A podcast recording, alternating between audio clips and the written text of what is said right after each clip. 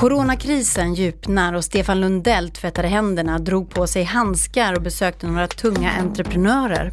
Breakits VD Camilla Björkman tvingas skära ner och är besviken på kunder som backar ur. Nu gäller det att hitta lösningar.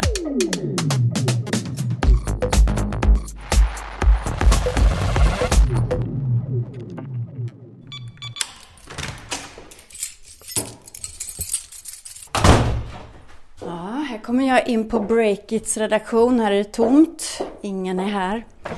Förra veckan så spelade vi in podden på torsdag eftermiddag precis som vanligt. Men sen på kvällen så fick vi ett mejl från ledningen om att vi då skulle eh, jobba hemma så långt det är möjligt. Okej, okay, här är Jons skrivbord. Ser ut som att han har lämnat i panik. Tangentbordet ligger bara här. Köket var ju fint, prydligt, diskat och klart. Bra, jag ska ha ett glas vatten. Camilla kommer strax hit, för vi ska spela in podden tillsammans har vi bestämt. Men eh, jag ska se om jag hinner spela in telegram först då.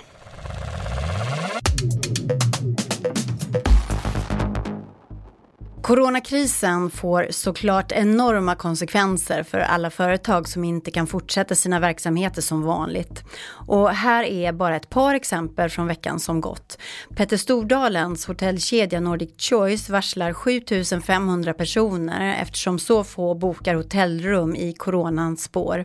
Och fotbollsappen Forza Fotbolls grundare Patrik Arnesson berättar för Breakit att han och hans anställda just nu jobbar febrilt med att hitta hitta en helt ny affärsidé. Världens fotbollsligor som i vanliga fall kan följas genom appen är just nu inställda. Det är trots allt inte stiltje överallt. Både mat och apotek på nätet går för högtryck. Mathem har till exempel så svårt att hinna med alla beställningar att kunderna kan få vänta uppåt en vecka på leveranserna. Och nätapoteket Apoteas grundare Per Svärdson meddelar i veckan att de har dragit igång med ett nattpass och kör varor dygnet runt för att möta kundernas ökade efterfrågan. Och även på andra håll så rullar affärerna på.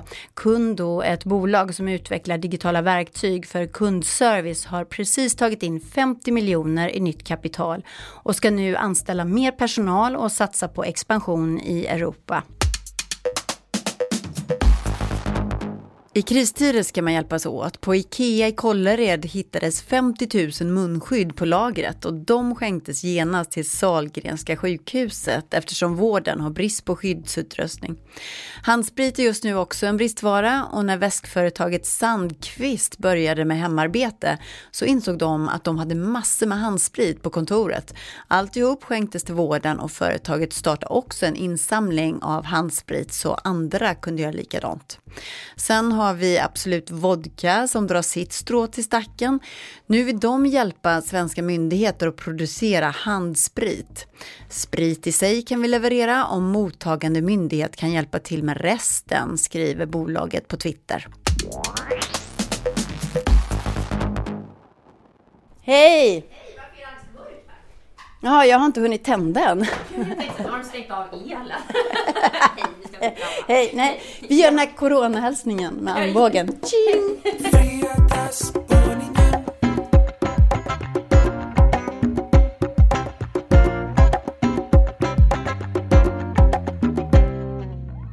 Vågar man stänga dörren här eller? Ja, jag vet inte.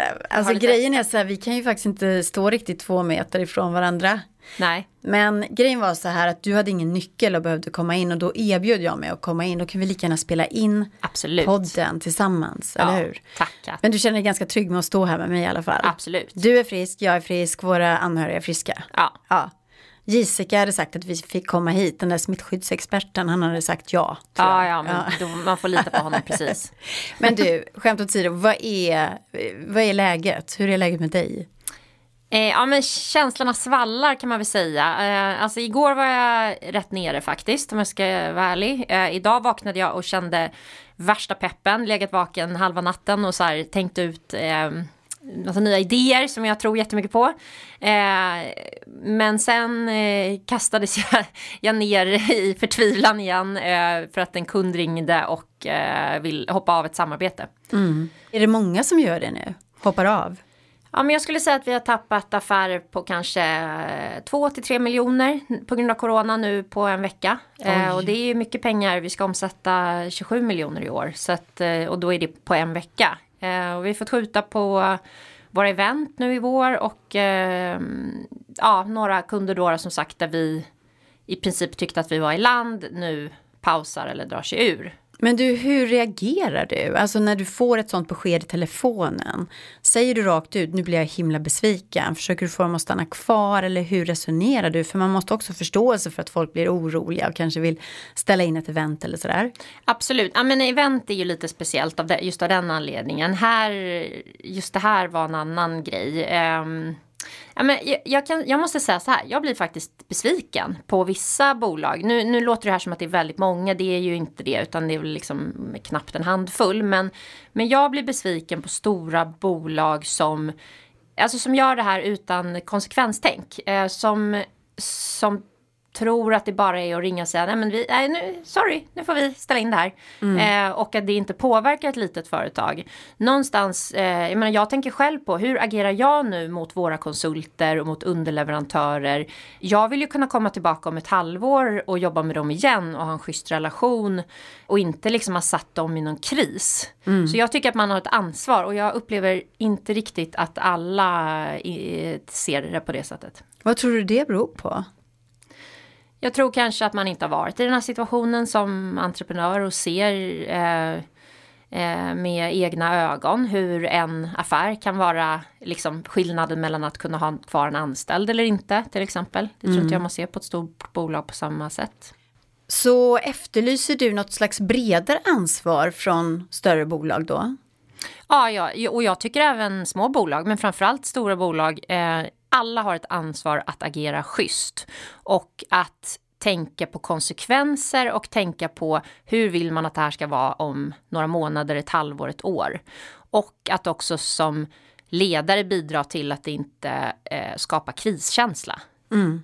Och det, man ser ju också privatpersoner, mycket på sociala medier, i kompiskretsen och sådär, att man säger så här att Nej, men vi måste hjälpa restaurangerna nu, beställ mat från restaurangerna eller beställ ett klippkort som mm. du kan använda senare eller sådär. Mm. Så att den där medvetenheten finns ju i vissa kretsar väldigt ja, brett. Verkligen, och det är ju helt fantastiskt att se. Ja, mm. man, mm. det blir man ju otroligt glad över.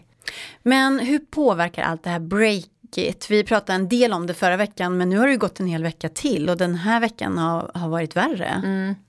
Eh, ja, men, och jag ska säga det då, då till lyssnarna att jag kommer till det positiva också. Men, men om vi börjar med det tråkiga så har vi behövt skära ner. Eh, vi fick igår avsluta en provanställning.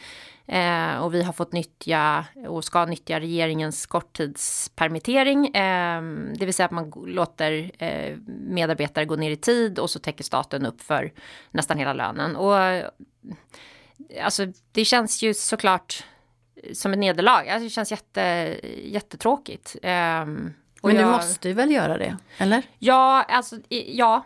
Eh, men man tvivlar ändå på sig själv. Så här, ja, finns det något, eh, är, det för, är det kortsiktigt, är det, eh, borde vi satsa? Eh, ja, Ja, det mm. kommer med massa tvivel. Och det måste vara väldigt svårt som ledare att leverera de här besluten. Jag har en god vän som jobbar med att, att fixa kaffemaskiner runt om i stan på arbetsplatserna. Gissa hur bra det går nu. Mm. Så han har ju blivit korttidspermitterad men mm. företaget har ändå löst det rätt bra. Liksom. Ja, absolut. Ja, men, och det, den lösningen tycker jag ju är fantastisk. Alltså så, så verkligen, det eh, uppmanar man verkligen fler som kan nyttja det att använda sig av.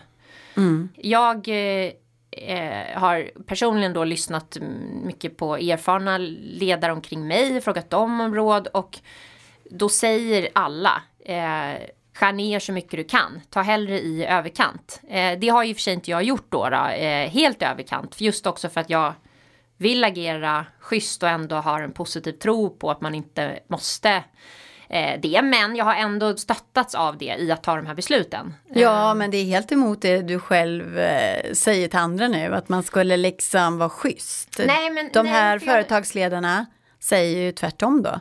Att man ska bara skära ner så mycket som möjligt. ja, men nej, så här, jag tänker så här att eh, som ledare måste man ta de tuffa nödvändiga besluten. För det kan vara att vara schysst mot alltså att företaget ens ska överleva. Mm. Men man måste agera schysst och tänka på konsekvenserna. Och ibland det som är kortsiktigt bra är kanske inte alltid det. Så att, alltså, det, jag, jag förstår att det låter flummigt. Det, det är inte lätt för mig heller. Jag vet inte vad som är rätt eller fel. Nej. Det är ju ingen riktigt som vet hur man ska agera och hur det här kommer falla ut. Men eh, det positiva då som har hänt här på ja. Breakit. Ja, och jag vill ju säga det också att det är ju värre för många andra än vad det är för oss. Um, så att när jag nu rivit av då det negativa så kan vi komma in på det positiva. För att det första är att det är fantastiskt att se hur människor och företag hjälper varandra. Alltså både vi på Breakit som jag tycker vi har blivit mer sammansvetsade som team. Jag ser hur vissa personer steppar upp som ledare i de här tiderna och det tycker jag är, är otroligt. Men också så här hur vi företagare och människor hjälper varandra. Vi har aldrig haft ett så högt tryck på sajten, folk som vill läsa om vad som händer. Vi har dragit igång en Slack-kanal som heter Coronakrisen, nu hjälps vi åt. Eh, där människor stöttar och peppar varandra och det är ju otroligt. Kan alla vara med där? Ja, absolut. Mm. Eh, alla är välkomna, det är en öppen Slack-kanal. Gå in på breakit.se så ligger den i högerspalt. Mm. Vad är det som du tror tar fram de här också väldigt bra och fina egenskaperna hos människor i en kris?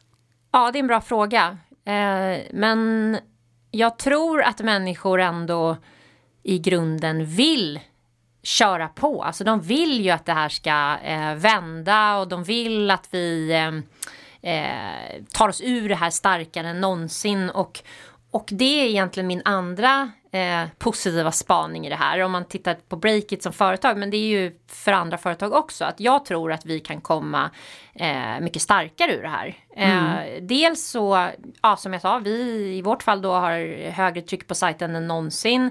Men det har också tvingat oss att stresstesta vår egen affärsmodell. För att okej, okay, vi kan inte göra event till exempel just nu. Vad gör vi istället? Det är inte så att människor vill sluta prata med varandra eller sluta lära sig saker. Eh, och nu har jag låg uppe halva natten och tänkte på en idé som jag vill jättegärna breaka den här podden men jag måste få marinera den ett Vad spännande! Dygn. Ja, jättespännande. Så, så, nej, nu blir jag jättetaggad igen. jag måste säga, sådana här saker som en kris, det tar ju också fram helt nya idéer. Eh, jag eh, sitter och klipper en annan podd som handlar om Kinas techscen och vad som hände med Kinas techscen under coronakrisen. För där håller ju krisen på och, eh, ja, och skvalpa över. Och man har inte haft ett enda nytt fall nu den här dagen, liksom, när vi, vi pratar av corona. Och där har ju till exempel sådana här appar, alltså människor be behöver ju kultur, människor behöver mötas och träffas. Mm. Alltså det är så djupt mänskligt tror jag. Och när man inte kan göra det rent fysiskt så har de här apparna som till exempel GJs som, som sänder då eh, sina set Eh, på, på samma klubb där du brukar gå. Du kan ta fram din kamera och sätta på den och dansa med alla andra fast du dansar hemma i ditt eh, vardagsrum. Du har musiker som sitter i varsitt hem och sen synkas då deras instrument och det de spelar och, och sångaren sitter i en del av stan och gitarristen i en annan och sen så blir det här en konsert. Alltså nu låter jag väldigt glad här, men, men sånt blir jag ju glad av. Ja, absolut. Och, och den där lösningen finns ju inte tidigare. Nej. Och nu tror de här företagen att här har vi en annan grej. Vi är en mm. liten klubb, vi kan bara ha 200 pers, kommer bara in här normalt mm. sett. Nu kan vi ha 20 000 pers och ta intäkter för det. Mm. Alltså, jag bara ger det som ett exempel på en förändring som faktiskt kan ge någonting när det här är över. Jätteinspirerande. jag tror att det är helt rätt. Så att eh, ja, min uppmaning i den här podden nu, det är att nu drar vi nytta av det här, vi som kan. Mm. Eh, och kör så det ryker och så hjälps vi åt. Så ja, vi ses hörni i Slack-kanalen och eh, lycka till så länge. Nu drar jag härifrån för Stefan Lundell, han vill spela in hemifrån, han jobbar hemma. Och det kan vi väl göra, testa. Han är ju rätt usel på det här med mickteknik, men jag ska se om han klarar det den här gången.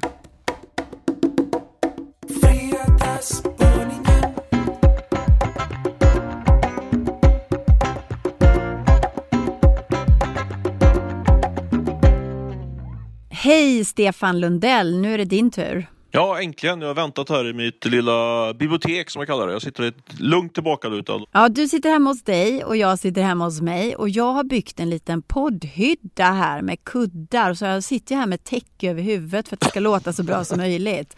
Men du är inte alls lika ambitiös, eller hur Stefan? Du sitter bara rätt upp och ner. Jag är en litterär person så jag är ju omringad av böcker böcker så jag tänker att det blir bra ljuddämpning på, på detta. Vi får se hur det går. Och i alla fall så är det så skönt att podden kan ställa om till coronatider på ett ganska enkelt sätt tycker jag. Alltså det går ju att spela in på distans och det är det vi gör nu.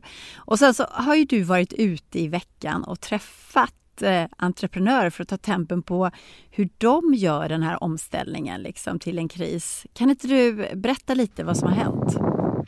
Jo, men jag kände, jag var ju uppe i, eh, i Värmland i helgen och åkte skidor och Eh, där kände man inte alls av krisen på något sätt måste jag säga. Men däremot så tog man ju del av den via, via de, de, digitala medierna. Vi kände att vi måste verkligen göra en kraftansträngning här nu på må måndag när vi, när, när vi drar igång igen då efter helgen. Eh, så då, då, fick jag idén att eh, varför inte åka runt till alla de här människorna som i vårt, i vårt eh, nätverk och bevakningsområde som, som sitter hemma eh, och ta tempen helt enkelt på dem. Eh, hur, hur är läget och sådär. Men det var ju också lite med, måste jag säga, med, med blandade tjänster. Det här var ju måndags så eh, jag gav mig ut där. Jag tog bilen faktiskt in till stan. Jag brukar aldrig åka bil in till stan men jag kände att eh, det var någon form av säkerhetsåtgärd för både mig och, och jag skulle träffa. Ja men på riktigt så kände du eh, någon slags rädsla då för att sprida smitta när du knallar in till stan? Ja men absolut. Jag är så här, man börjar känna efter lite grann när, folk, när någon blir magsjuk i sin omgivning. Då känner jag mig direkt illamående. Och det var lite grann så jag kände, jag hade inte lite ont i halsen? Hur var det liksom sådär? Så jag vet det sista jag gjorde var att plocka på mig eh, eh handskar till och med. Jag tänkte om jag skulle, för att jag skulle undvika smittan. Eh, om jag nu hade någon sådan. Sen tog jag faktiskt feber jag kom hem och visade att jag inte hade någon feber överhuvudtaget. Och det var med att jag var trött efter att jag träffat en massa människor. Eh, så, det, nej, men så det var positivt faktiskt måste jag säga. Men till saken då, för att du träffar ju de här personerna. Eh, du har ett uppdrag också att hålla Breakit site igång och du ska hitta stories. Så eh, vad sa de då? Hur är läget bland investerare och entreprenörer? Ja, men jag skulle säga att eh, i det här läget så är de folk ändå på vid rätt gott mod. Eh, så jag träff, pratade med en investerare, så han, han sa att han förlorat en halv miljard, men jag känner mig inte stressad ändå. Det säger kanske mer om hans privatekonomi då, men, men, eh, men liksom det var, han sa ju det lite med glimten i ögat då, så, men, men eh, folk är på tårna, men det, men det är ingen panikkänsla, det, det skulle, om man skulle sammanfatta det. Okej, om vi smalnar av det då. Eh, jag vet att du pratade med någon som driver hamburgerkedja. Hur är läget där? Ja, eh, det var Daniel Sosson. Han är då storägare i Phil's Burger som heter en framgångsrik hamburgerkedja. Det har varit väldigt hett med de här hamburgerkedjorna. Som vi, har skrivit, vi har skrivit mycket om dem.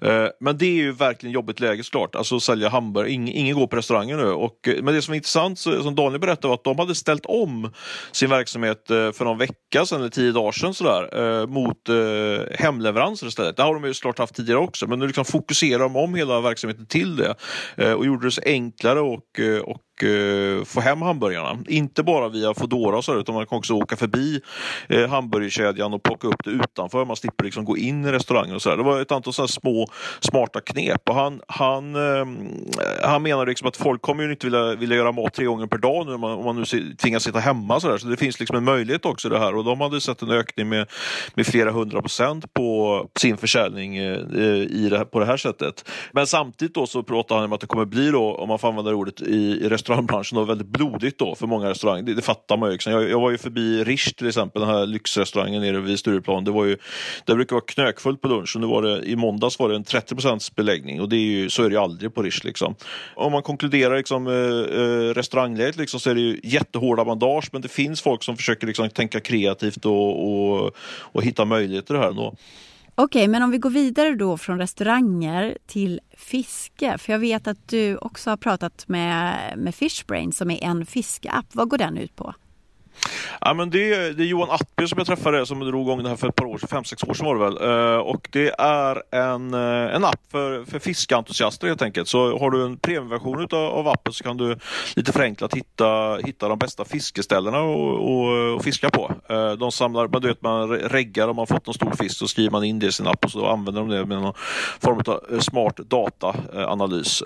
så det, det är som en, en premium-app för, för fiskeentusiaster kan man säga. Mm. Jag vet att under finanskrisen i USA så var det få saker som gick så himla bra som just fiska. För att Jag vet inte varför, men när man inte har pengar så gillar man att fiska, eller vad då? Är det samma sak nu då under eh, coronakrisen för svenska fiskeappen Fishbrain? Ja, nej, det är kul att säga det, för det var faktiskt det som Johan lyfte fram då. För Fishbrains absolut största marknad är USA då. Det är liksom inte fokus mycket på Sverige egentligen, utan det är USA som, han sa någon siffra på hur mycket man köpte fiskeprodukter där. Det var helt otroligt. Så det, det, man förstår att det finns en gigantisk marknad där. Eh, och Fishbrain håller också på att bygga upp en marknadsplats för, för fiskeredskap. Så de, de, han hoppades ju, han visste inte, men han hoppades, han sa att, att, liksom att, eh, att den trenden skulle komma tillbaks även i den här krisen då. Han sa ju liksom att det var fiskeprylar, men sen var det också så det klassiska liksom att folk spelar mer, käkar mer godis och röker mer eh, tobak eh, eh i kriser så. Eh, så eh, det var väl en förhoppning jag hade, men samtidigt så, så, eh, så var han ju tydlig med att det är klart att han var orolig. Eh, hans pengar, han har fått in, jag tror att det var 150 miljoner kronor ungefär totalt i det sista rundan riskkapital. han säger att de pengarna räcker ungefär till årsskiftet om man inte gör några, några radikala åtgärder. Det är inget toppenläge i den här marknaden. Nej. Men det låter i alla fall som att han har lite marginal om han har pengar till jul. Liksom. Regeringen har ju skjutit till stödåtgärder nu då. Eh, men är det helt kört att få pengar från andra håll, från riskkapitalisterna till exempel? Mm, ja, både och. Alltså, riskkapitalisterna de sitter ju med jättemycket pengar. Eh, de har tagit in otroligt mycket. Det har aldrig funnits så mycket pengar i så, så kallat torrt krut i, i, i eh, riskkapitalisternas fonder. Eh, och det får en, så här, en positiv grej var ju, jag pratade både med Jane Walerud som brukar kallas för Sveriges framgångsrikaste så här, affärsängel. Hon var ju tidig både i Klarna och Tobii. Så hon är en auktoritet och jag träffade också Johan Brenner som sitter på ett av Sveriges största riskkapitalbolag, Creandum. Och det som är kul datapunkt är med båda dem när jag pratar med dem. Johan Brenner han, han skulle ha ett möte där han skulle besluta om att investera i fyra nya bolag efter att jag pratade med honom. Och Jane Walerud var i, i Eh, skulle också göra en investering de närmaste dagarna. Så det är liksom en, en hård datapunkt på att, på att eh, riskkapitalisterna fortfarande investerar pengar. Mm. Eh, vilket då kan vara lite kul och eller positivt och, och ett litet ljus i mörker kan man säga då, i den här kompakta eh, bombmattan av negativa nyheter. Men vad är det de satsa pengar i nu? Vad är det de vågar satsa pengar i nu och varför?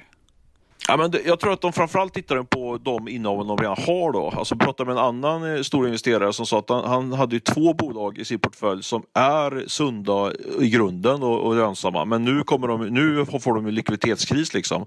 De kommer ju han då backa upp med pengar. Så att man först tittar man på vad man har redan tidigare gjort för investeringar om man liksom behöver hjälpa till där. Då.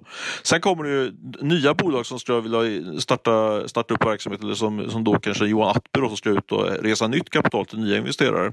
Uh, där är det ju såklart en, en uh, jobbigare sits, det blir en hårdare pitch där. Uh, och där kan man ju räkna med att värderingarna kommer gå ner i, mm. i de här bolagen. Så det, det, kommer de ju satsa på såklart. eller ut, utnyttja, ska jag inte säga. Men liksom det, det är ju naturligt att, man, att värderingarna går ner. Så det är inte dött där bland investerarna utan de kör på fortsätter att investera trots den här krisen. Det är inte dött så kan man säga, men, de, de kör, men och jag skulle nog säga att de kör på lite lägre tempo. Liksom. Men, det är ändå, men det är liksom inte så här boom stopp som det var i finanskrisen 20, 2008. Men om man nu står i startgroparna och har tänkt sig att starta ett bolag, är det extremt dåligt läge då eller? Jag skulle säga faktiskt, jag argumenterar för att det är tvärtom. Man läser liksom eh, managementlitteratur och entreprenörer som uttalar sig att du ska ju starta i lågkonjunktur och recession. Det är det bästa läget. Liksom. Sen vet jag inte hur många som verkligen vågar göra det. För men liksom, om du går ut nu och läser så känns det som att det, det är väl det dummaste man kan göra, sätta igång med någonting nu. Men jag ska ärligt säga, hade jag inte kört breaket nu, då hade jag nog satt mig ner och funderat på vad kan jag starta någonstans och eh, sett till att jag hade eh, liksom, eh, eget kapital i låt säga, sex månader och sånt där. För du kommer ju kunna, ja, du vet, billiga hyror, eh, billig personal, eh, lätt att pruta för, för, från leverantörer och sådär. Så jag tror att det är ett bra läge att dra igång nu faktiskt. Om man har en bra idé såklart, så är det ju alltid. Än en gång, det är ett jättejobbigt läge och sådär, men jag, jag pekar ändå bara, nyanserar lite grann läget lite grann kanske, kan man väl säga. Tack så mycket för din spaning där från biblioteket i hemmet. Ja, tack så du ha själv. Nu ska jag krypa ut ur min hydda. Hej då! Breakits podcast hör du nästa vecka igen. Ta hand om varandra och tvätta händerna. Ansvarig utgivare är Ola Aronsson, poddredaktör Caroline Englund och jag heter Katarina Andersson.